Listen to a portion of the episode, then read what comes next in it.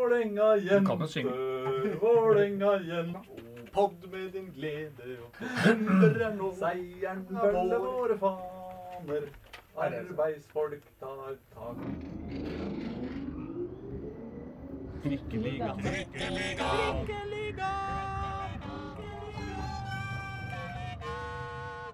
Seieren følger Oslos faner. Trikkeligaen er tilbake med en ny episode. Alle hopper i taket. Siden sist har vi fått seriegull, kanskje bronse, kanskje opprykk, kanskje ikke nedrykk. Alt som er fint, har vi ikke det, Håkon Thon? Jo, det har vi for en eh, Ja, mandag får vi vel egentlig si for Oslo-fotballen. Ja. Og så slenger vi på Skeid i helga, som fikk med seg et ålreit resultat. Så ja, dette var moro. Mandag. Altså, Mandagen var fin, men søndagen var jo minst like fin. Søndag var jo seriegull. Ja. Ja. Så da må vi si hei til deg også, Reidar. Ja, men det var artig. Vår alltid korrigerende, vårt alltid korrigerende orakel eh, borti hjørnet. Fakta er hellig. Kan ikke diskutere hvilke dager Messias-korsanger, kor, sanger, KFM-speider og Oter. Ikke minst det siste. Første oter av første klasse. Ja. Reidar Solli. Um, dere, vi har så masse vi skal gjennom i dag. fordi det har jo eh, nettopp som vi eh, var inne på her, det har skjedd så mye. Men for å uh, gi uh, kred til de uh, flinkeste av våre lyttere, nemlig de som sender inn spørsmål, så lurte jeg på om vi kanskje skulle gå rett på spørsmål denne uka. Ja. Det er, det er enstemmig bifalt. Er det det? Ja. ja ok. Ja, ok, flott. Nei, men da har vi for eksempel, så kan vi jo begynne Vi kan begynne på Intility, for eksempel. Andreas Halse stiller spørsmålet Hvordan kan så mange eksperter den siste avgjørelsen i VIF RBK? Ja, da, og da tenker han på at dommeren hadde rett. Ja, Sannsynligvis. Det er nok det, det, er nok det unge Halse mener. Ja. Jeg skal jo da til eh, Intility i eh, mandag kveld. Ekspertene Vålerenga ekspert, mener vel i stort tall at dommeren eh, gjorde feil. Ja. Så han mener her at dommeren eh, Njet, han gjorde riktig. Ja, ikke sant? Det, det er underforstått av Ja. spørsmålet at det ikke engang er en mening. Det er et objektivt faktum. Ja. Eh, Men svaret på spørsmålet er jo Jeg bare tenkte vi skulle på en måte først for de av lytterne som ikke skjønner hva vi prater om. OK. Ikke sant? Så er vi seint fins, fins de? mandag kveld. Vålinga leder 1-0 over Rosenborg i kampen om bronsemedaljen, som kanskje avgjør hele bronsemedaljen. Rosenborg får to cornere på rad, og i den siste corneren uh, så eh, skjer det omtrent tre ting samtidig. Og vi har fire minutter på overtid. Ja, ja. Ja. Og, og, det skulle, og, og det var bare lagt til fire minutter, så, så det, er, det, er, det, er, det er sånn på tampen som det går an å bli. Altså, Ivan Nesberg driver og holder rundt og klemmer en uh, Rosenborg-angriper litt foran i feltet. Eh, Even, Even Hovland, som er eh, midtstopper. Ja. Men han var selvfølgelig da i angrep akkurat da. Akkurat da. Eh, På bakstanga eh, driver Rosenborgs eh, forsvarer Reitan og, dytter vekk med, med sine hender Vålerengas indreløper Henrik Bjørdal. Og, omtrent ved straffefeltet så står en Hvem var det, da? Som nikka ballen i mål. Den gikk iallfall via Vidar Ørn Ja, Kjartansson. Vidar Ørn Kjartansson sin hånd, tror jeg til og med. Og i mål. Ja. Så det skjedde en masse ting samtidig. Dommeren blåser frispark utover og bryr seg om, altså da mest om den eh, situasjonen mellom Reitan og Bjørdal på bak i feltet. Mens eh, hele, alle kommentatorene på Eurosport eh, var eh, rasende. Eh, Hareide, Rosenborg-treneren, var eh, enda sintere. Og eh, jeg så til og med han uh, sjølutnevnt overdommer for all eh, dømming i, i norsk fotball, Edvardsen, på Twitter. Twitter-dommeren. Han skrev Jeg har aldri før brukt ordet skandale, men i dag er det på sin plass. Ja, dette er interessant. Ja, det, var mye greier der. Hva, er din take på det, Reidar? Det jeg syns det fascinerende, er at eh, i mine øyne hadde dommeren helt rett. Ja. Nå var jo dette her eh, altså Spørsmålet var jo hvorfor så mange eksperter tar feil. Ja. Og det er jo fordi at, at TV-bildene altså det, Som du sa, det skjer så mye samtidig Mm. at man får ikke sortert ut. Mm. Og, og de måtte jo spole gjennom dette opptaket fem-seks ganger før de helt tatt så den duellen mellom Reitan og eh, Bjørdal. Mm. Fordi, for det var jo ganske langt unna ballen. Og det var jo det noen mente var argumentet, at det, det, var, det var ikke noe å blåse på. Mm. For det skjedde for langt unna ballen, som da var på vei til Hovland, som da Ivan Nesberg hadde et livtak på. Mm. Men dommeren Det var jo en klar sperre Mm. Med hender. med hender Mm. og klart frispark, i mine øyne. Og ballen jo ryggen Så- mot ballen, og ingen eh, Så på en kveld hvor, hvor da denne, denne dommeren, som ikke har all verdens erfaring med slike toppoppgjør, Sigurd Smehus Kringstad mm. fra Valder Mm. Jeg syns det var en djerv avgjørelse. At han blåste da på den siste, siste der, som isolert sett er helt riktig. Og da faller jo de to siste bort. Det er jo interessant om det straffer eller ikke. Og faktisk interessant om ballen går i mål eller ikke. For dommeren har jo blåst. Det er jo på en måte litt vanskelig å si hvilke av to holdningssituasjoner som eh, skjer først. Eh, de jo, bruker jo gjerne litt tid, begge to. Men det er klart, dette er jo Altså, Vålerenga har jo blitt eh, Det har jo stort sett blitt dømt frispark utover i ja, 80-90% av alle Vålerengas cornere hele sesongen. Der har det vært mye, mye sperretrekk og mye, mye tettere på keeper enn her. Og det skjedde vel også et par-tre ganger i denne kampen at Vålerenga fikk fikk uh, sånne frispark utover. Og så man, når man ser det litt fort, så sier man Hæ, hva var det noe egentlig? Men så går, går verden videre fordi det ikke skjer fire minutter på overtid, og, og, Ja og, og ballen går i mål til slutt, sjøl om det er lenge etter at dommeren har blåst. Men- Altså, altså Kampen varte i halvannen time, men det varte jo nesten halvannen time etter snakket òg, inne i- i katakombene under Intility. Eh, og Hareide brukte vel en time før han var ute i intervjusonen der. Og han, eh, han Vi har jo TV-skjermer i spurtunnelen. ja. Det er ikke så veldig lurt. Ja, I hvert fall ikke akkurat ved sånne anledninger. Så han innbytteren til eh, Rosenborg, Gjermund Aasen, Mm, han fikk jo se da den eh, episoden han var på vei inn. mm. Og da tilta jo han, da. Så da var det jo spytt Hva heter det? Steinspytting og all moro inne, inne i spillertunnelen der. Så han måtte jo roes ned av gamle, gamle Trond Henriksen, som uh, geleida han inn i garderoben. Men de var jo, de var jo vel så irritert over det røde kortet til han eh, Dino Islamovic. da. Det var det jeg tenkte. at det, Sånne som ting blir jo ofte sånn derre forsterkende. At du At eh, den situasjonen som skjer helt på slutten der eh, Det er nok delte meninger der, men altså du føler at du har blitt eh, Du har mista en scoring der, kanskje et straffespark der. Du mener det. Og, og så I tillegg så føler du Gikk du inn i pause og følte at du hadde blitt uh, bortdømt på tampen der også, da, Mm. med en utvisning. Selv om det gule, siste gule kortet var soleklart, så var kanskje det første veldig billig. Og da føler du liksom at uh, det er ikke bare den situasjonen isolert sett, det er kampen sett under ett, Ja som bare kulminerer det i det, det greiene på Så- tampen. der. Så det er, det er forståelige uh, reaksjoner, selv om de kan være feil. Så Åge Hareide var egentlig mest opptatt av utvisning. Mer enn det annullerte målet på Ja, og det er forståelig, for det, Ja. det er ikke i min bok ikke helt klart at han skulle vært utvist. Og det ødelegger jo veldig mye av eh, mulighetene for Rosenborg. Men jeg fikk litt sans for Islamovic, da, som var veldig ydmyk i intervjusonen der med oss etterpå. For han, han ba jo om unnskyldning han, til spillerne. Mm. For han, eh, han visste jo at han hadde gult kort, og da måtte han være mer forsiktig enn han var.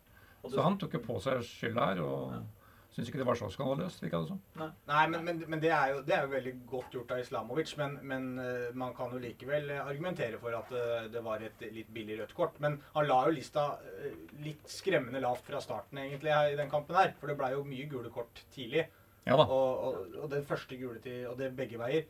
Men uh, Nesberg fikk vel et som var ganske klart der i første omgang. Ja, altså, da, var, da var jeg litt nervøs for at det skulle bli, skulle bli rødt et øyeblikk. Han kommer på sånn her 40-metersløp, og du ser at han kommer til å tape duellen bare 30 meter før han treffer den, og bare Ivan skal fullføre. Ja, og, nei, men, eh, Men, men, men, men det er helt riktig at han, han driter seg ordentlig ut når han vet han har det gule kortet. Og så, for de andre gule der er så klokkeklart, det Mm. også, at, eh, at det, det er, dommeren har ikke noe valg, annet valg enn å vise han ut men når situasjonen er som den er. Men på en måte, man føler likevel litt at eh, de to situasjonene da, som man har fått eh, to gule kort for, at de egentlig totalt sett ikke er verdt et rødt.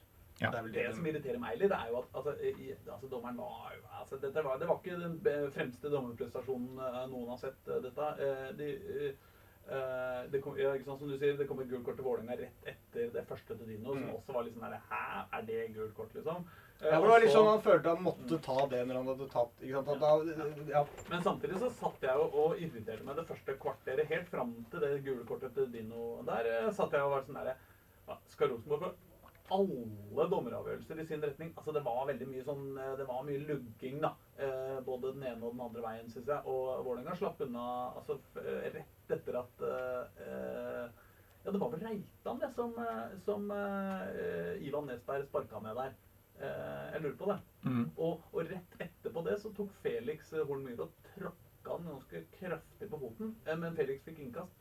Eh, Altså, det var litt sånn fram og tilbake eh, hele kampen. Og, og, eh, men, men vi skal komme tilbake til den kampen seinere. Ja, dette var bare et spørsmål. Ja, dette var bare et spørsmål. Uh, vi fikk snakka litt om dommeren, i hvert fall.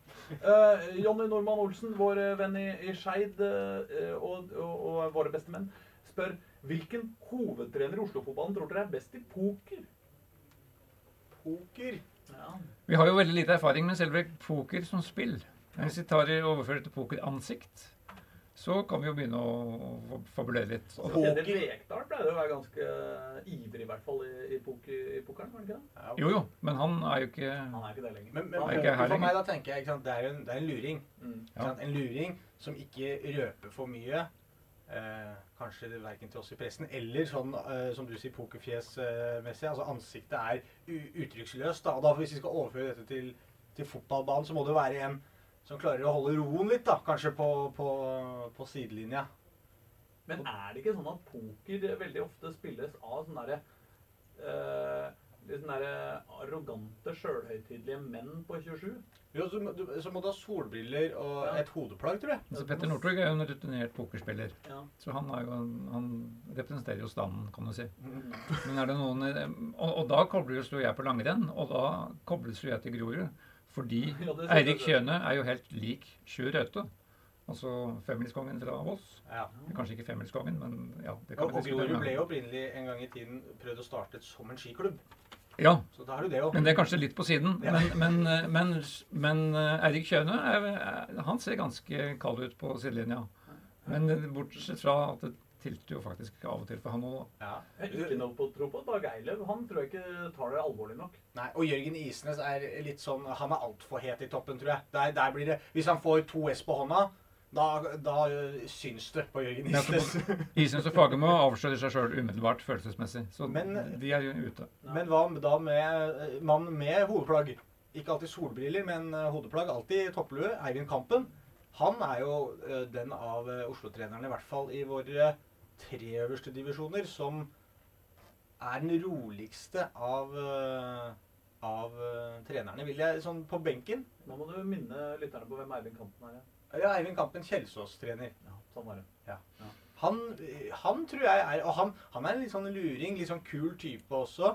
Han Hadde passa rundt et pokerbord. Han hadde kledd et pokerbord. Jeg har en annen kandidat. Jack Maigård Jensen.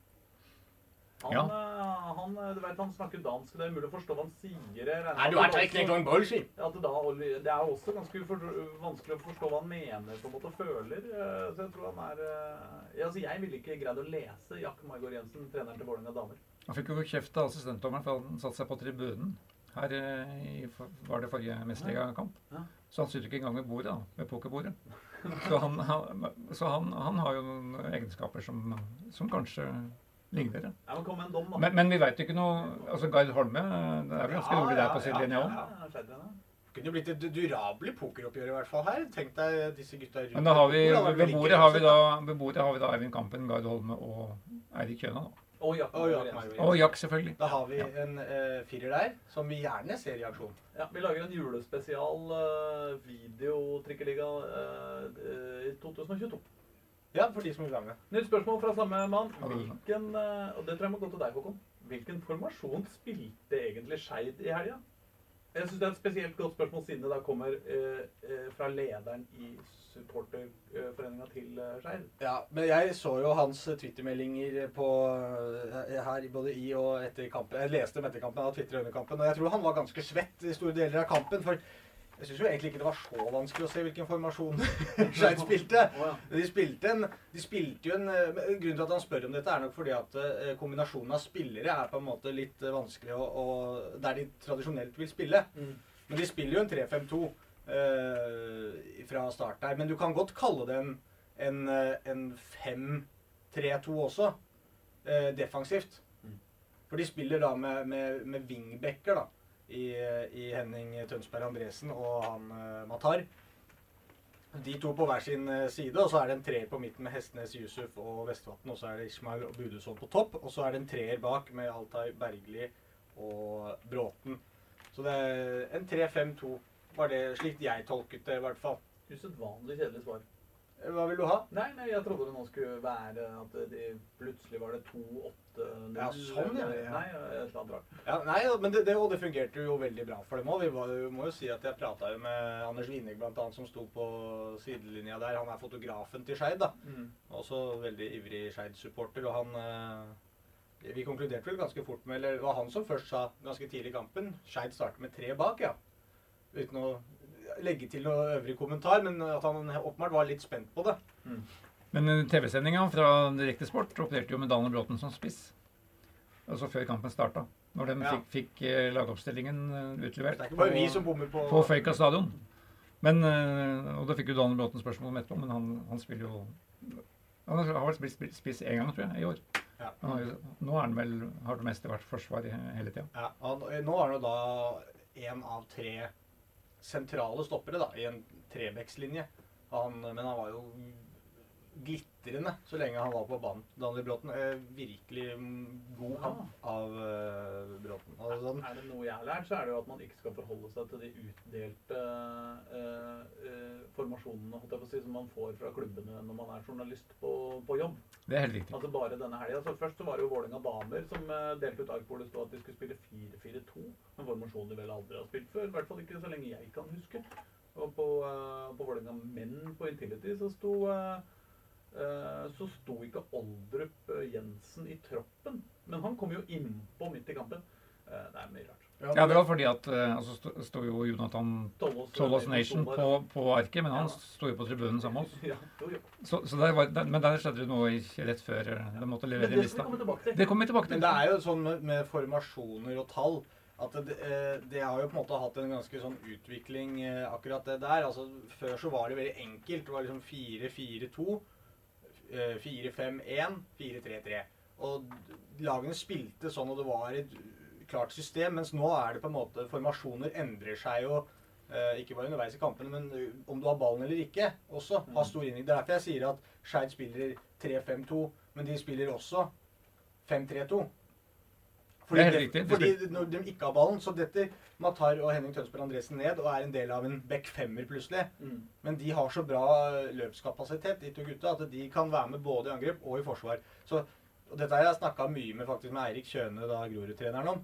For han også sier at det, å spørre meg om hvilken tallkombinasjon vi spiller med Jeg veit ikke selv nesten engang. ikke sant? Det, det, disse tallkombinasjonene har ikke så mye å si lenger. Fordi du kan bruke spillere som spiller i en posisjon i gitte situasjoner, og så hvis ballen er der, så skal han dit. Og, ikke sant? Så dette har forandra seg veldig fra på en måte den klassiske som man tenker 4-4-2, og venstrekanten spiller på venstrekanten. Også utrolig irriterende med sånne trekanter på midten som eh, skal defineres som, som midtbanespillere alle sammen. Ja, men hvem er hvordan eh, ja. Ja, Vi hadde det samme med, med Eivind Kampen i Kjelsås også, som hadde eh, Ja Paintsil eh, som spiss. Og så spurte jeg han at men er ikke han kan ikke han spille liksom ut på vingen der, da? Jo, men han skal ut på vingen, og så skal uh, Akinyemi, uh, han Akinbola Akinyemi, han skal inn der og spille spiss, og de skal bytte, men, men det er Jan som er spissen, ja. Så det blir sånn eh, Ja da, men, eh, hvem er, Jo da, men eh, som musiker så må jeg si det hender at man blir spurt om sånn hvilken, Ja, du lagde ny skive, ja, hvilken åssen sjanger er det Ja. dette? Og så sier man sånn Nei, eh, det er komplisert. Og så bare Jo, jo, det er komplisert, men det er ikke så jævla komplisert heller. Nei. Det går an å bare svare, ikke sant? hiphop? Ja, For du har spilt country hele tida. Neste spørsmål eh, fra Terje Kirsebom. Obos-kvale. Skal vi få Skeid mot Grorud i playoff-finalen? Hva tror dere om Skeids muligheter mot Asker på lørdag? Utrolig jevnt og spennende første møte. Eh, la oss dele det opp. Eh, kan vi få Skeid mot Grorud i playoff eh, mellom Obos og Post Nord? Ja, hyggelig først og fremst med melding fra gamle Kjelsås-keeperen, da. som har slengt seg på her og åpenbart følger podkasten vår. Det er hyggelig. Mm. Uh, og han har jo god kunnskap selv han, om det som rører seg i, i Oslo-fotballen. Men uh, hva var første spørsmål, da? Skal vi få Skeid og Grorud mot Grorud i playoff? Det kan vi fort uh, få. Teoretisk er det fullt mulig, ja. Men vi, vi håper ikke at det skjer. For vi vil ha helst begge lag vi i Obos-ligaen neste Ja, år. og vi tror at uh, Grorud eh, tross alt eh, Alt gikk Groruds vei i helga. Gjorde det ikke det, da? Jo, de vant jo selv stort, og, men, men altså, de, de, de er jo utsatt uh, fortsatt med tanke på kvaliken. De sikra seg å unngå direkte nedrykk. Det var jo det som på en måte var den første store baugen de skulle forbi her nå. Men Uh, jeg, jeg tror jo Skeid, som fikk 1-1 da, på Mm. Føyka mot Asker Mm. Jeg tror de, skal De bør jo klare det da på, på hjemmebane nå. Så da er jo egentlig spørsmålet om Grorud kommer seg til eh, Om de havner i kvaliken, eller om de kan styre unna. Og det er et eh, vanskelig spørsmål. Mm. Jeg må jo si litt som leder at selvfølgelig håper jeg jo ikke vi får det. Mm. Og at vi får Skeid opp på bekostning av noen andre enn en, uh, Grorud. Men sjansen er jo der. Så absolutt. For, uh, for Grorud er jo ikke trygge på noe som helst uh, måte. Men jeg tror at Grorud klarer dette her eh, kvaliken. Altså om de kommer til kvalik, så klarer de den oppgaven. Tror jeg. Ja. Ja, hvis det blir Um, Grorud-Skeid. Ja, det tror jeg også. Ja, det, det tror jeg også. Jeg Men- tror men, Grorud eh, tar det da, men Men jeg tror kanskje Grorud klarer poeng nå. Altså, det, det er veldig mye hvis om og men i den Obos-ligaen. For nå spilles det kamper i løpet av uka Mm. som kan endre bildet før Grorud møter Lillestrøm da i siste kamp på Åråsen på søndag. Mm. Og Lillestrøm som bare skal feire sitt eget opprykk, som allerede er klart. Men det som var styrken til eh, altså Grorud-Kongsvinger nå i, i går, mandag, var jo en ren finale. Og nervene lå jo utapå Kongsvinger, ikke Grorud. Grorud spilte kanskje sin beste kamp for året, da det gjaldt som mest. Og det imponerte alle som var der, inkludert trener Erik Kjøne, for han hadde snakka mye med spillerne om dette her. At dette her, eh, ja, konsekvenser og alt dette var så veldig, veldig viktig og seriøst. En ting er å snakke om det, en annen ting er å gå ut med lave skuldre og, og spille den beste kampen jeg har gjort i år. Og det får de til. Mm.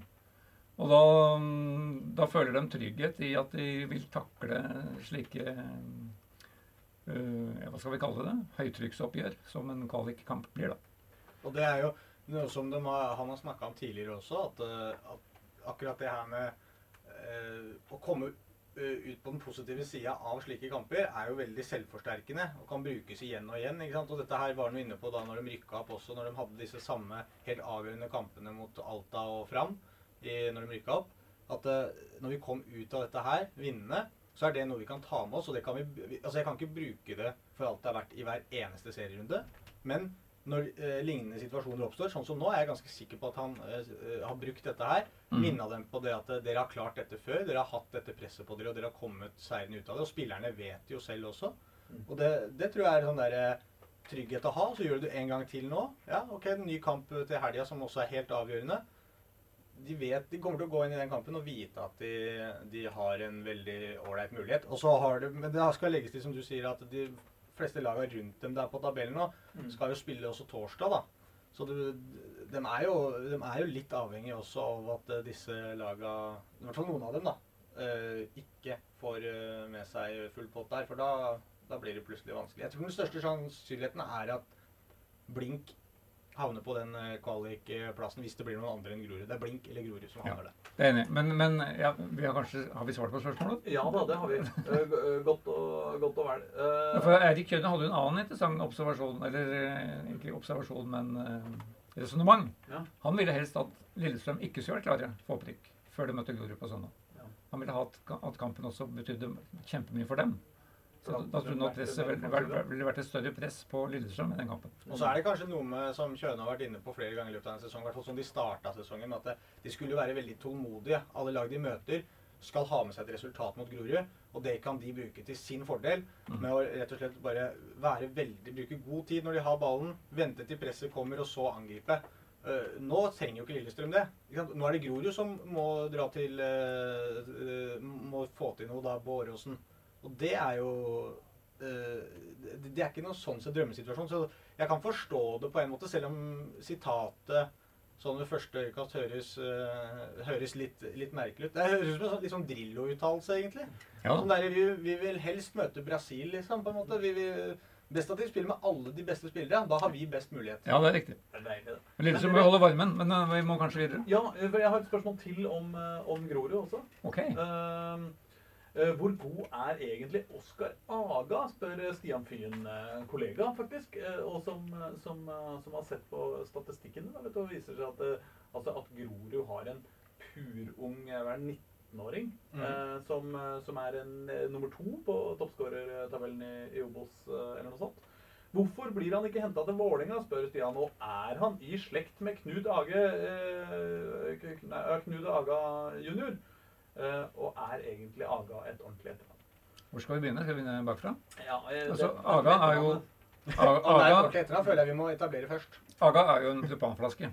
Ja. I, altså, det er jo campingferie. Ja, det er det det er. Jeg tenkte at det er noe sånn kornprodukt uh, Ja, det er aksa, det. Men jeg tenkte, jeg tenkte, for jeg tenkte litt samme. Jeg tenkte uh, bomma også med no, en bokstav, for jeg tenkte vaskemaskin. Men det er AEG, det. Ja, det var enda mer på jordet enn hos andre. Ja, det var kanskje. Eh, Men det er, det er 2500 i hele verden som heter Aga til etternavn. Så det er et internasjonalt navn. Oi. Eh, og det vanligste i Norge er at du har Lars Aga. Det er tolv Lars som har Aga til etternavn. Mens det er bare én Oskar. Du fant er en god uh, Reidar. Ja, ja, fakta var fram. Ja, det er sant, det. Eh, Neste delspørsmål. Lurer på hvor lang tid Reidar har brukt på å komme fram til dette. Han har god tid på SSB her nå. Er Oskar Aga i slekt med Knut? Svaret er nei. Er svaret nei? Svaret er rett og slett nei. Jeg spurte om det. To uh, Aga-stjerner i Oslo-fotballen, Ja. og de er ikke i slekt. De er ikke i slekt. Knut Aga jr. Ja. Han har vel, Sist jeg hørte om han, så var han trener i Lørenskog. Men han var jo da VIF på Han vant noen TV-greier, var han ikke det? Han var mest lyn, var det ikke det? Jo, var, jo, var det det? ja. Eller var det også, var det ikke? Men, det men eh, si det korte svaret fra Oskar Aga Mm. Jeg er ikke i slekt med Knut Aga jr. Nei. Ja, men det, det er greit å få det Svar avgitt. Um, uh, også, men hvor god er han, og hvorfor blir han ikke henta til Vålerenga? Eller blir han det? Nei, for at det, eh, det har alltid vært sånn eh, rart med Altså, Aga er fra Lyn. Ja. Oskar Aga er Han spilte um, Første gang jeg så han, så spilte han G16 interkrets for Lyn. Det var veldig dominerende. Eh, og så gikk jo Lyn så, så han var jo liksom Lyns framtid, da. Mm. Men så gikk jo denne klubben konkurs, som vi vet. Det var riktignok før dette her. Men det var mye rot, så han gikk til Stabæk. Så han jo, har jo Jeg husker ikke hvor mange kamper han har for Stabæk, men det er jo en del. Eh, For to år siden, vel. Ja. Da var han jo 17 år. Ja. Stort talent. Mm. Og så kladda det litt for han, og så har Grorud på et eller annet merkelig vis klart å nå signere han for tre år framover. Ja. ja, for han kan først være- på lån, ikke sant? Ja, først på lån. Nå har de fått den permanent i tre år framover. Ja. Og det kan vise seg å være en, en kjempesignering. Ja. Eh, han er en sånn uh, lett, lett han, er så han er så lett og rask. Det var, det var derfor han skåra to mål nå mot uh, Kongsvinger. For han, han vant helt klokkeklare spurtdueller mot et litt tregt forsvar. Men men den, spørsmålet er om hvorfor ikke Vålerenga henter han. Ja. Og da er jo spørsmålet om, om Vålerengas Jeg vet ikke hvor stort speiderkorps er nå. Altså Lars Kjernas har jo slutta, men han hadde jo tolv speidere rundt omkring. Jeg tror ikke det er mye sperrekorps igjen på Vålerenga. så- Nei, jeg tror ikke det. Men Og, de skal jo prøve å følge med på Oslo, i hvert fall. men jeg husker jeg jo spurte jo Kjetil Rekdal da han ennå var der, hvorfor de ikke henta Erik Botheim, også som da gikk til, til Rosenborg Mm. istedenfor Vålerenga. Altså oppvokst med Lyn. Han er ett år eldre enn Aga. Mm. Um, nå er jo han Han fikk jo ikke plass på Rosenborg. er jo nå tilbake i Stabæk. Og er vel på benken der, stort sett. Mm. Veldig lite spilletid. Men uh, Kjetil Rekdal hadde da ikke hørt om denne spilleren på det tidspunktet. Uh, Botheim var en ukjent størrelse for ham. Mm. Jeg regner med at Vålerenga har hørt om Oskar Aga. Men uh, dette er veldig tilfeldig hvor, hvor spillere havner. Hvorfor havna Odin Thiago Holm i Vålerenga og ikke Rosenborg, f.eks.? Men sånn, det underliggende spørsmålet er vel på en måte hvor god kommer uh, unge Aga til å, til å bli? Er det, har vi en internasjonal stjerne her, eller skal det det en eliteserieprofil? eller- men det, som- det som er med Aga, er at uh, ja, Du sier at han er kjapp uh, målt opp mot Kongsvinger-forsvaret, på en måte, men det er jo igjen übertregt. Så Det er bunnla- det er bunnlaget i Obos-ligaen. Ja, Så altså, han slår meg ikke ut på en måte sånn, som en sånn kjemperask spiser heller. Han, er, han har ok tempo. Men han har, det er litt det, han er en litt sånn allrounder, og først og fremst kanskje en litt, eh, litt smart fyr med gode avslutningskvaliteter. Mm. Han kan score på huet, han kan score med føttene, og så er han jo bombesikker. eh, I hvert fall i starten av sesongen så var han jo veldig god på straffespark også. Han satt jo klistra dem opp i krysset et par ganger etter, etter hverandre der. og så han, eh, så han er jo på, han er en målskårer. Det er det han er. En litt sånn derre klassisk, eh, klassisk nier, egentlig. Mm. Altså, hvis det er en mulighet som dukker opp, så er det ofte han som dukker opp, for å si det sånn. Og, Ja. og står der. Det er en god beskrivelse. Han er, han er veldig smart, Ja. kort og godt. Litt sånn Morten Berre-aktig, ikke sant? Du føler ikke at det er noen sånn helt ekstreme kvaliteter noe sted, men øh, veldig høy øh, kvalitet på alt det som ikke er synlig, på en måte. Smartness. Unntatt utseendet, da. Er det bra? Det er for Morten Berre. Så det mener jeg. Han så bra ut. Ja, evig ung og evig pen. Ja. er, eh, Ja, ja, ja. Morten Berre fortsatt. Nå med litt lengre hår som assistenttrener i Skeid, men han er eh, fortsatt like blid. Men eh, fullføre Aga bare. Mm. Uh, hvorfor, han, hvorfor Vålerenga ikke henter han, er nok fordi han ikke er eh, bedre enn det Vålerenga kan hente. Som f.eks. Ørnen, da. Som de har nå. Altså, han er jo ikke på det nivået enda. Nei. Men kan han havne der? Ja.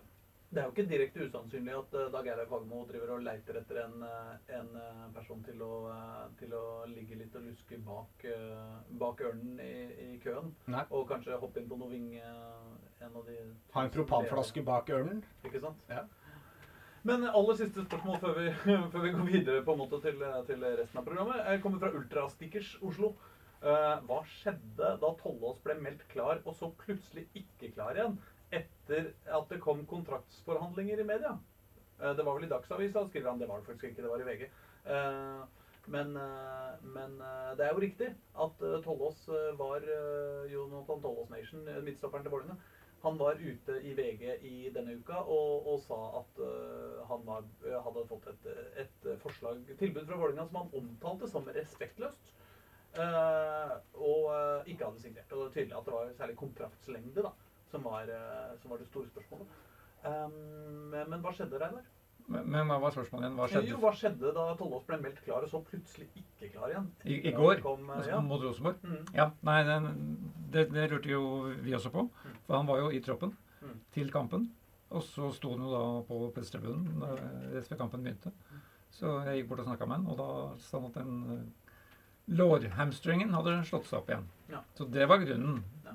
Var i hvert fall den offisielle grunnen til at han ikke var i troppen mot Rosenborg. Vi må vel regne med at det er sant. Jeg tror ikke Dag Eilev setter ut den beste, kanskje den beste, sikreste spilleren på laget for, eh, i eh, bronsefinalen, nesten. eh, for å sette et poeng i kontraktsforhandlinger. Nei, jeg tror ikke det. Men det så virker jo Fagermo som en sånn prinsippfast mann nå, da. Som, som at hvis Altså, han, han er ikke bare opptatt av at Vålerenga skal vinne eller komme på tredjeplass denne sesongen. Jeg tror han er opptatt av å på en måte bygge en kultur og bygge en klubb utover det også.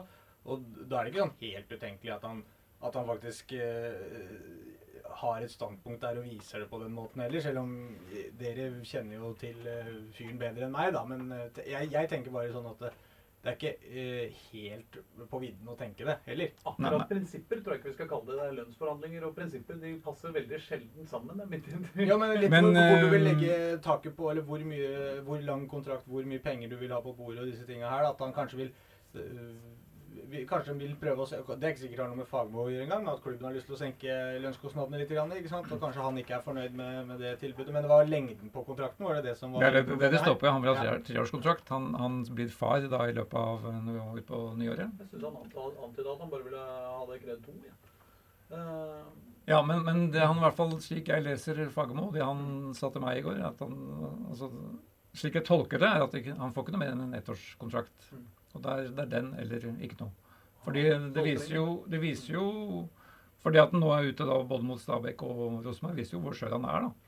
Og det er det Fagermark er ekstremt opptatt av. Han skal ikke bare, bare være spillerklar, men han vil ha spillere som kan, som kan være med på alle treninger mm.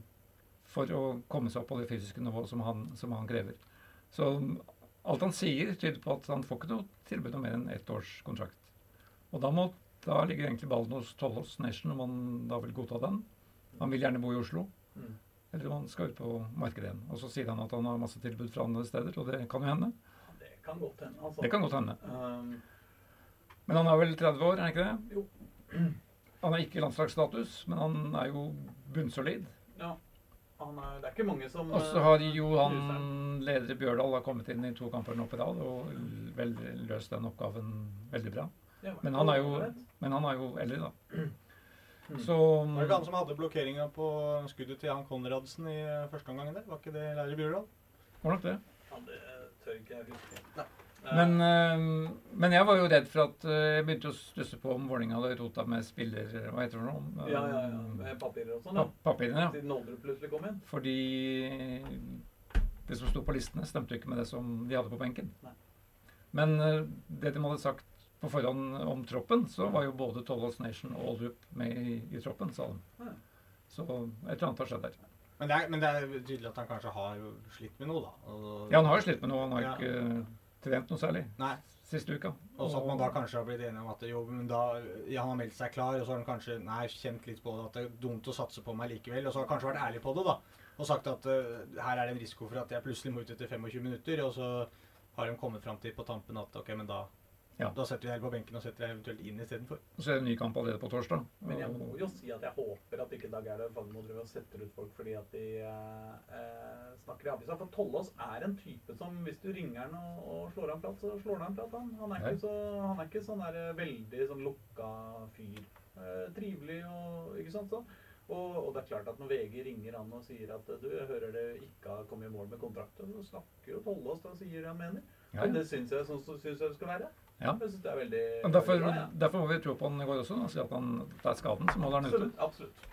Så vi Ja, det. jeg skal ikke si Det var vel jeg som annonserte det, teorien her om noe annet. Men det var bare at det, det var ikke det at jeg nødvendigvis tror det mest heller. Jeg bare uh, sier at det er ikke helt utenkelig, kanskje. Mm. Men, Nei, for det er jo, det er jo trenere som gjør det. Som Ja. opererer på den måten her. Ja.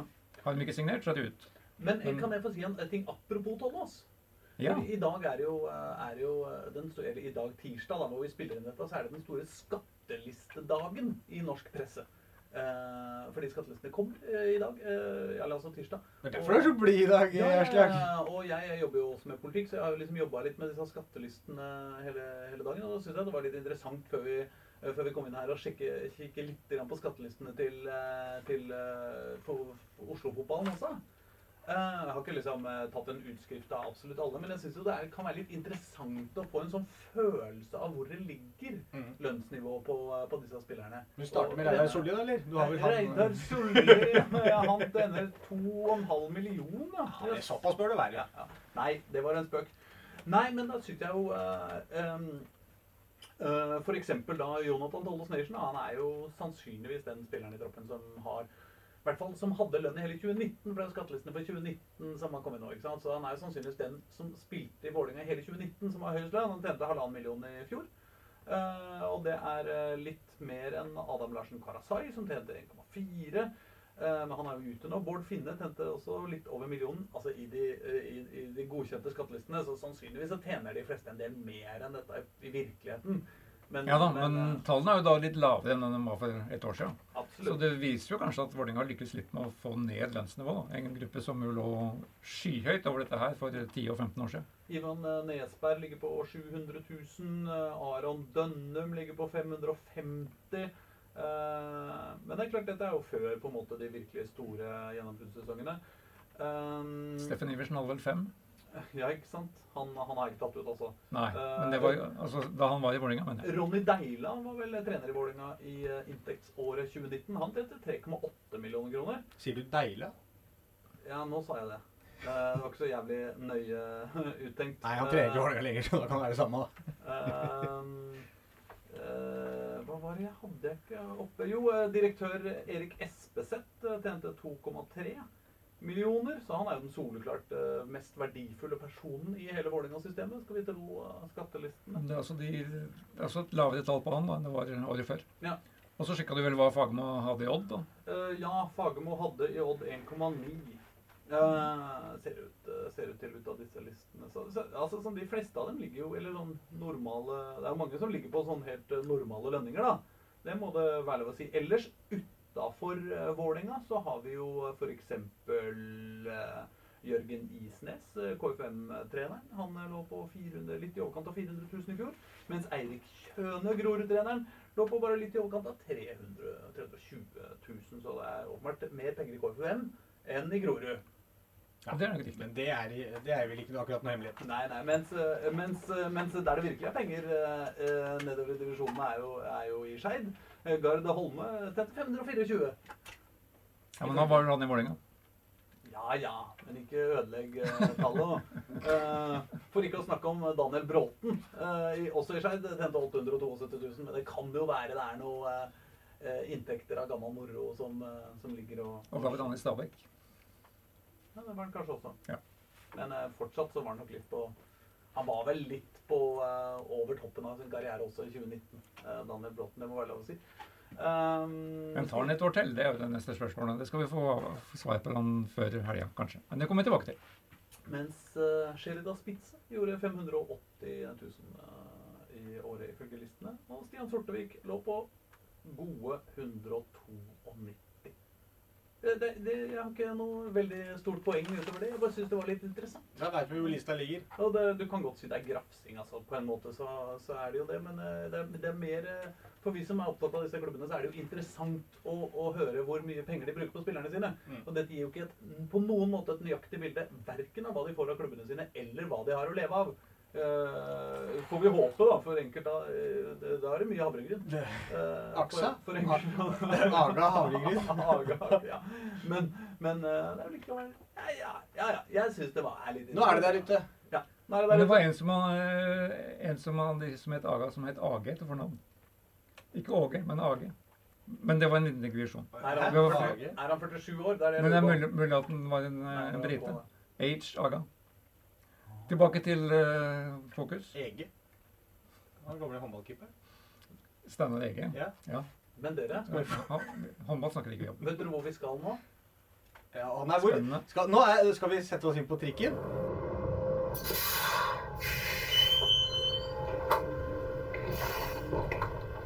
Seriegull for Vålerenga på Intility Arena! For første gang i fuckings verdenshistorien tar Vålerenga gull i toppserien i norsk fotball. For første gang i verdenshistorien vinner de på den nye hjemmebanen. Og herre min hatt, jeg får lyst til å synge og danse og Gjør du det? og- Ja, ja, kanskje jeg skal det. Vålerenga jente. Vålerenga jente Burde ikke du lage en Du burde ha hatt en sang i ermet, du nå. Nei, men det er gamlebandet mitt som har lagd den låta. Ja, ja, det er det, ja? Ja, men Ja, jeg var ok. ikke med på den, altså, så den skal ha æren. Det er, gatas eh, parlaments eh, store Vålerenga jenter-kit. Fra uh, sølvfinalen eh, mot Avaldsnes i 2017, tror jeg det var. Ja, stemmer. Ok. Fet låt, altså. Eh, Mm. det de er selvfølgelig ikke så god som den var da jeg var med. eh, Men, eh, men akkurat den låta den, Nei, hvem er vel det? Nei, ikke sant. uh, nei, men uh, vi, vi, vi, vi var jo der. Det var jo gøy. Nei, du var ikke der. eh, Jeg fikk ikke vært, jeg fikk ikke vært der, men du fikk vært der. Det var bare jeg som fikk vært der. Altså, Vålerenga slo jo Ja, Pål var der, da. Eh, 5-0, ble det ikke det til slutt, da? Det var i hvert fall usedvanlig mye mål og usedvanlig deilig spill. Og den derre kraft uh, Energiutladninga som var etter kampen når, når alle skjønte at dette gikk veien, var så deilig. Vi trodde jo at det skulle bli skikkelig drama. Eller det kunne bli skikkelig drama, fordi Vålerenga var jo A-poeng med Rosenborg. Eh, Men med fire mål bedre målforskjell. Men det er klart, Rosenborg kunne risikere å vinne en stor, storseier, ikke sant? Og Vålerenga har jo ikke for vane å vinne 5-0. Eh, men eh, det var liksom Når vi begynte å sette i gang, så, så var det bare så deilig. Sherida Spitze hun har godt og vel fortjent de der 100 000 av kronene hun, hun dro inn. Åpna ballet med et langskudd fra et frispark på over 30 meter, tror jeg. Eh, hele laget satt som ei kule. Det var så mye bra spill. Eh, og, og når det begynner å renne inn mål på slutten der Én eh, En eh, eh, sånn fram, fremadstorming fra hun Bott. eh, Hun aldri ble stoppa og greide å løpe seg helt fra bekken og langt inn i 16-meteren, eller rett utafor 16-meteren, og kline ballen i sida. Eh, Celine Biseth Ildusøy som kommer inn som en sånn derre Du bare ser at hun går til å score, fordi hun løper dobbelt så fort som alle de andre og vinker på ballen i hvert eneste angrep. Hun hadde sånn derre Det er sånn Ardian Gashi på sitt beste. Det er sånn Denne spilleren har mer energi enn hele resten av banen til sammen. Eh, sånn, og, og hun fikk målet sitt. Og etter kampen hvor de får på deg de der tåpelige gullflosshattene og bader rundt i sånn gulltifo og liksom Men Var det ikke du som tok et ganske kult bilde der av disse jentene oppå tribunen der? Jo, altså det er veldig lett å ta bilde, gode bilder av folk som vinner seriegull. Altså. De er ofte ganske blide. Ja, jo, jo, men det er ofte, gjør seg ofte liksom eh, altså sånn med litt publikum eh, i bakgrunnen der og sånn òg, da. Men du følte liksom at det, når du fikk liksom den med seriemester på eh, 2020 på skjermen i bakgrunnen, liksom, du, du følte liksom at det var en ordentlig sånn gullfeiring, og du ser det så godt på det bildet at det, hvor glade de er, da. Det er sånn ordentlig sånn De klarer ikke helt å, å tenke på åssen de ser ut overhodet, liksom. Det er bare sånn pur, pur glede. av å få stå og bli tatt bilde av med Aslak Borgersrud, liksom, som er ja, ja, fotograf. det var nok det som gjorde det. Nei, men, men eh, det er jo veldig sånn Du vet, sånn, troppen deler seg i to, føler jeg, da, når jeg ser på dem. liksom. Du har de der unge spillerne som bare har sånn derre Som bare har sånn derre ustoppelig glede som de bare må ut med. Også de eh, eldre spillerne som bare vi til. Det her har vi jobba for i så mange år. Og du bare ser liksom tårene presser ut i alle kanaler og bare Eh, og Sherida Spitzer har jo da sin, spilte jo da sin siste toppseriekamp eh, før hun reiser hjem igjen eh, til Nederland. Eh, Men da, Tårene rant jo hos henne òg, og det, det, det forteller jo mye om hvor, hvor mye det betydde for henne. Ja. Og, og, og hennes, hennes høstsesong har jo vært tidenes beste i blå drakt. altså, tenk at vi har Sherida Spitz i Vålerenga. At vi har hatt det. Altså, vi, vi kommer til å le av det om uh, 20 år. Hva da? Å ja, spilte Zinedine Zidane på Vålerenga, liksom. Eller, altså, det er jo sånn en skikkelig internasjonal superstjerne som er to hakk bedre enn hele resten av toppserien.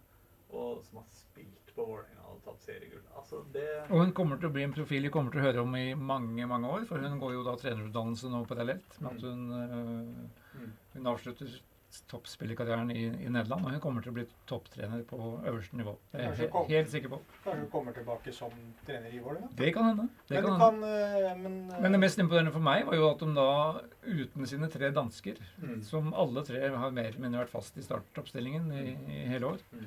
ut, selv uten dem så klarte de også å komme seg opp på det nivået som de viste i den seriefinalen. Ja. Og det var jo litt spennende. altså Arna Bjørnar hadde jo en kjempesjanse på 1-0 der. Eh, som kunne gitt, gitt et annet kampbilde. Ja. Men så bare overtok Vålerenga hele Men gutter, dere som har eh, Dere som følger ordentlig med på, på Vålerengas damelag og toppserien. Dette var første sesongen til Rosenborg. Ja. Og den, tar, de kom på andreplass Mm. Ubeseira. Ubeseira. på første forsøk. Eh, Vålerenga, som du sier, uten da Sherida Spitze neste sesong. Kan de gjenta det? Ikke ferdigskåra, altså, for å si det veldig mildt. Eh, Eh, Svaret er ja, de kan gjenta det. De har jo, de Men får tror jo, du det? de hanker jo stadig nye spillere. Ja, det jeg, jeg, jeg, jeg, jeg skjønner jo at de kan det. det du er jo er ikke til men, men tror du det, Reidar? Eh, ja, det tror jeg. Ja, ok. Ja, nei, men for meg, for meg så er det, det er sjukt vanskelig å si. Jeg syns fortsatt det er en ganske sånn kraftig utvikling i, i, i toppserien hvor, hvor, det, hvor øh, det er jo Det blir jo veldig viktig å få de der aller beste 19-åringene inn på laget sitt, da. Eh, det er noen Altså, jeg eh, må si at altså, det er jo utrolig håpløst å si det, eh, men Vålerenga har jo toppskåreren i, to i toppserien i år, med Ayara eh, Njoya, som, som skårte ti mål på eh, ja, var det 20 kamper, da? Eller nei, 18 kamper. Eller hvor mye da? I hvert fall eh, litt et, et snitt på så vidt over 0,5. Det er jo ikke et veldig høyt eh, målsnitt for en, uh, en toppskårer. Eh, og hun har, eh, én kamp hvor hun skårer fire. For meg så er jo Ayara en av, en av de spillerne som virkelig virkelig har noe ekstra.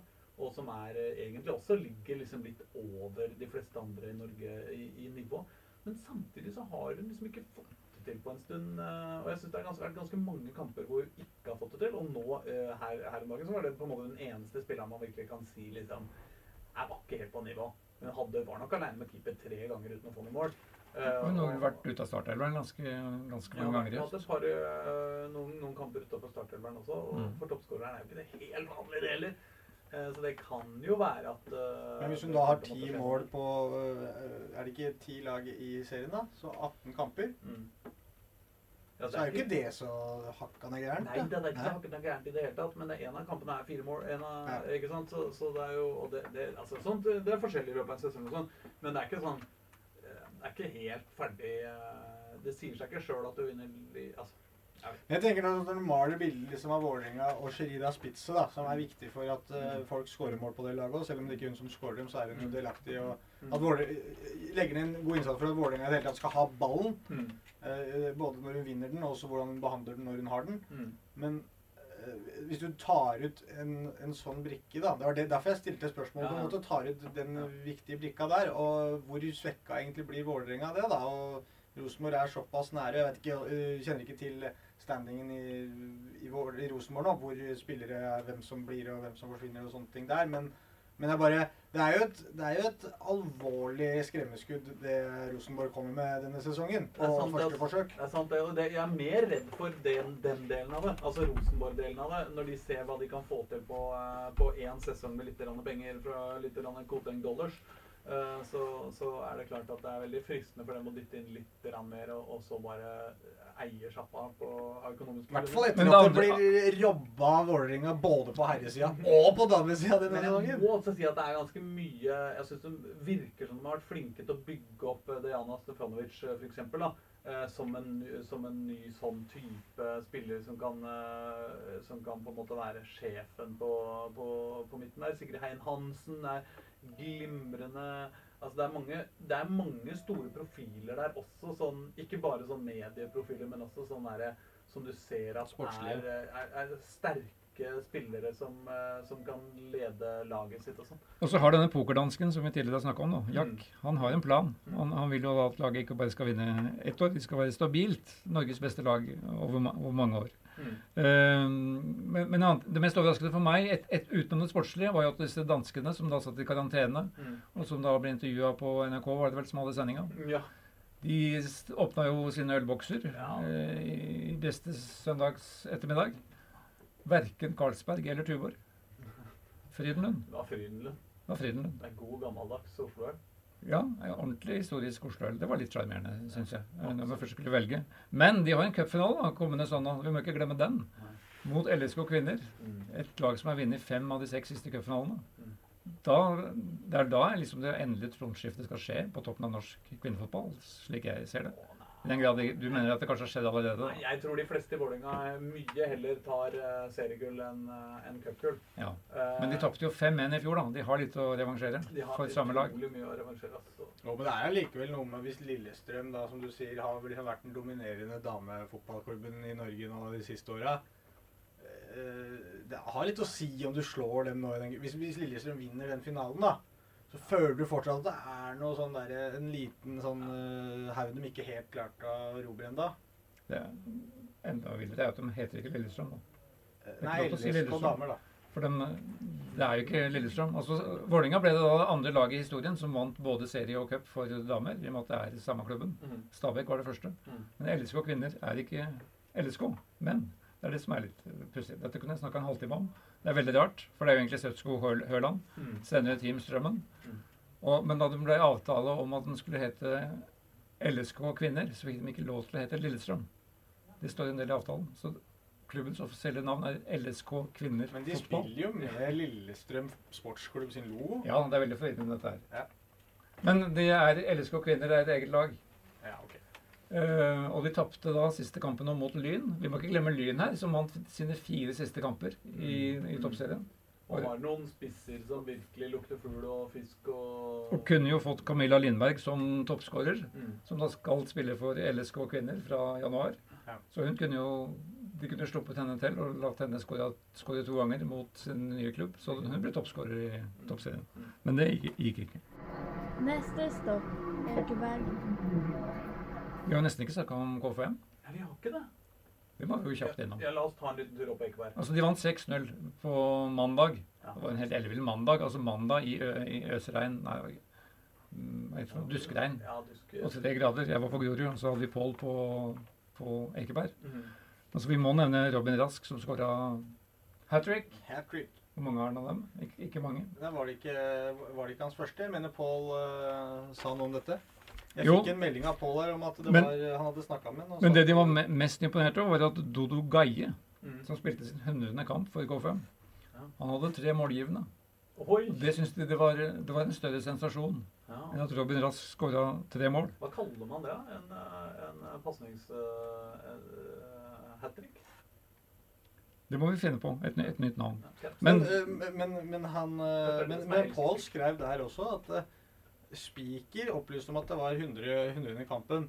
Men på fotball.no så sto det 102. Han var litt usikker. Ja. men, Nei, men vi men- stoler på spiker. eh, ja. Men da vant også KFM vant 6-0 til slutt, og sendte Mons Ivar Mjelde ned i andre divisjon med Øygarden. Mm. Så da ble det sendt ned et lag både på Grorud og på Ekeberg samtidig. Litt fascinerende. Det er deilig. Eh, deilig. Så da skal også KFM til en slags eh, kvalifiseringsfinale mot Raufoss på søndag. Som vel du og Tilde hadde forelesning om eh, hvordan det er på sta- stadion. Ja. ja, nå må de fram Og og der må- for å De må vinne. Der må vi, KFM vinne, ja. Pluss at de må ha noen andre resultater litt med seg for å klare den kvalikplassen. Mm. Så mm, KFM kan fortsatt spille ikke tippeliga, men Eliteserien neste år. Men de, I likhet med, med Grorud, har jo en del lag der oppe rundt seg på toppen der som også skal spille på torsdag, da, som har eh, en ekstra kant til gode der. Så det, det ser litt vanskelig ut for KFM å få den uh, kvaliken nå, men uh, vi vil ikke ikke opp håp, gjør vi det, da? Det er Sandnes Ulf da, som de kan håpe å, på å passere. Ja, og det, det er ikke Altså, jeg skal ikke som Men de må slå- det kan skje. De må starte med å slå Raufoss på denne stadion som er helt Og det er jo bra gjort bare KFM å sette seg i den posisjonen, syns jeg, etter den sesongen de egentlig har hatt, som har starta litt Starta ikke litt trøblete heller, men starta veldig trøblete for dem, egentlig. Og masse skader, fant ikke ut av angrepsrekka. Og det at de faktisk nå da er i posisjon da, til å kunne være med å kjempe om en kvalikplass eh, i siste serierunde, det er bra. tapte for Stjørdalsblink hjemme. Tapte for Grorud hjemme. Ja. Det er, eh, det Det løsna også litt når jeg fikk henta han derre Njaye da, på, Ja. på kanten der. Da, løsna, da, fikk han liksom litt mer trøkk i det, den angrepsrekka som var veldig eh, monoton og litt kjedelig i starten. Hvis Oslo bare hadde hatt eh, forsesongen til Grorud og etter eh, den første halvdelen til Grorud og andre halvdelen til Koffa, så kunne det blitt eh, opprykk. Er bra slag. Nå har du fulgt med. Ja. ja helt Men dere, riktig. vi har noen vi har noe faste spalter vi må gjennom også. OK.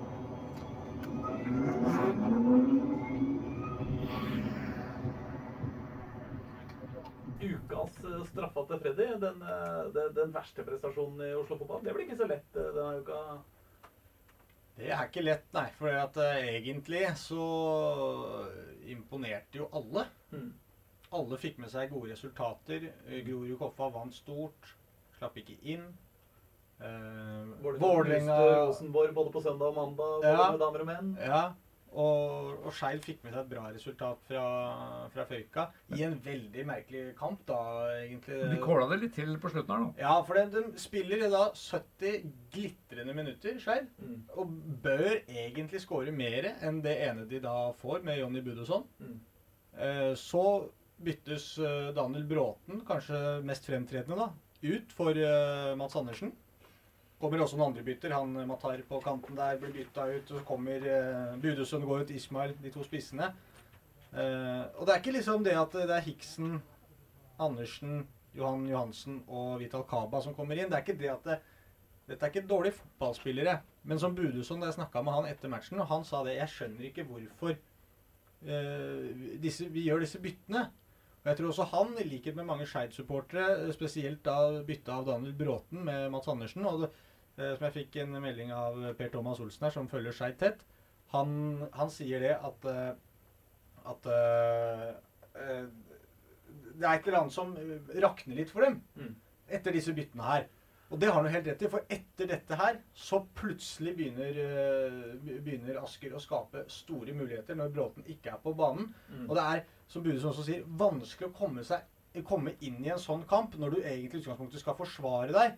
Og, og Asker kaster alltid angrep, og det, det ble vanskelig for de som kom inn. Og Asker holdt jo på De skåra ett og kunne fort ha vunnet kampen. Så etterpå så satt man igjen med en sånn følelse at huff, her var jo Skeid heldige som fikk 1-1. Mens eh, etter de første 70 så tenkte du her er de uheldige som ikke leder 3-0. Så, så ukas, så ukas straffe, det blir da Vi må nesten gjøre det, da, men byttene til eh, Gard og Holme. Selv om det er forståelig også for Daniel Bråten, altså for å ta det som kanskje var det viktigste eksempelet, som hadde bra kontroll på Kastrati. Mm. Hadde jo gult kort, og han var involvert i en del situasjoner eh, hvor man tenkte at ok, det er ikke helt utenkelig at han får et gult kort til her. Å spille med ti mann, det kunne virkelig blitt kostbart. Så det er, det er fullt forståelig. Så jeg har ikke lyst til å liksom slakte Gard Holme helt der, for det byttet er forståelig. Og det sier Budusson også, også, at dette her er, eh, er Jeg forstår tankegangen, men etter dette så, så rakner det litt for oss. Kommer vi til Al-Kabaim? Ja. ja. Han skåret 29 mål for Frigg for to år siden. Han har null mål for Skeid foreløpig. Ja. Kanskje den første kommer på lørdag. Avgjørende. Rett inn i ny runde kvalik. Men ukas prestasjon her hadde jeg én kandidat. Jeg syns at eh, Osame Sarawi, eh, når han i det 47. minutt for Vålerenga får en lang crossball og demper den eh, med høyre beinet bak det venstre beinet. Altså på venstre side. Altså han bare tar en skikkelig jåledemping i det 47. minutt mot Rosenborg. Det syns jeg var morsomt. Men det er mulig at eh, Koffa likevel eh, har en Ja, eh, for at det- slår enda hardere. Nå hadde, nå hadde Jørgen Isnes kjørt skuddtrening siste uka på, på Ekeberg. Mm. Eh, og det ga uttelling. Mm. De skåra seks ganger. Og Robin Rasch, ene skåring, Mm. var vel 2-0-målet. Kommer en ball mot den fra på nesten 30 meter. Han vipper den opp til seg sjøl, på et vis. Det er Drar til på hel volley, rett i krysset. Da um, overgå den. Det, det, jeg kan ikke se noen annen enkeltskåring, enkel prestasjon, som er bedre enn den, denne runden. Da får Rasken Og så bare kjapt den gleden, den gleden av å få uttelling for disse skudda, da. Som du har vært på Ekeberg så mange ganger, og folk som står på tribunen der som sier eh, Det må skyte mer. Og her så skårer en på langskudd med Robin Rask 1-0. Skårer på eh, langskudd med Remi André Sviland 2-0. Eh, og så Rask igjen, da, som eh, skårer på et nytt langskudd. Han skårte jo hat trick også, Robin Rask. Da får ta med det. Straffespark til ene. Hurra! Hurra for Rask! Takk for oss. Takk for Snakkes oss! til uka. Ja. Ha det. Wow.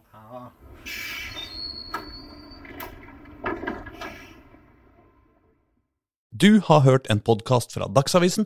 Ansvarlig redaktør heter Andreas Heen Haaland Karlsen.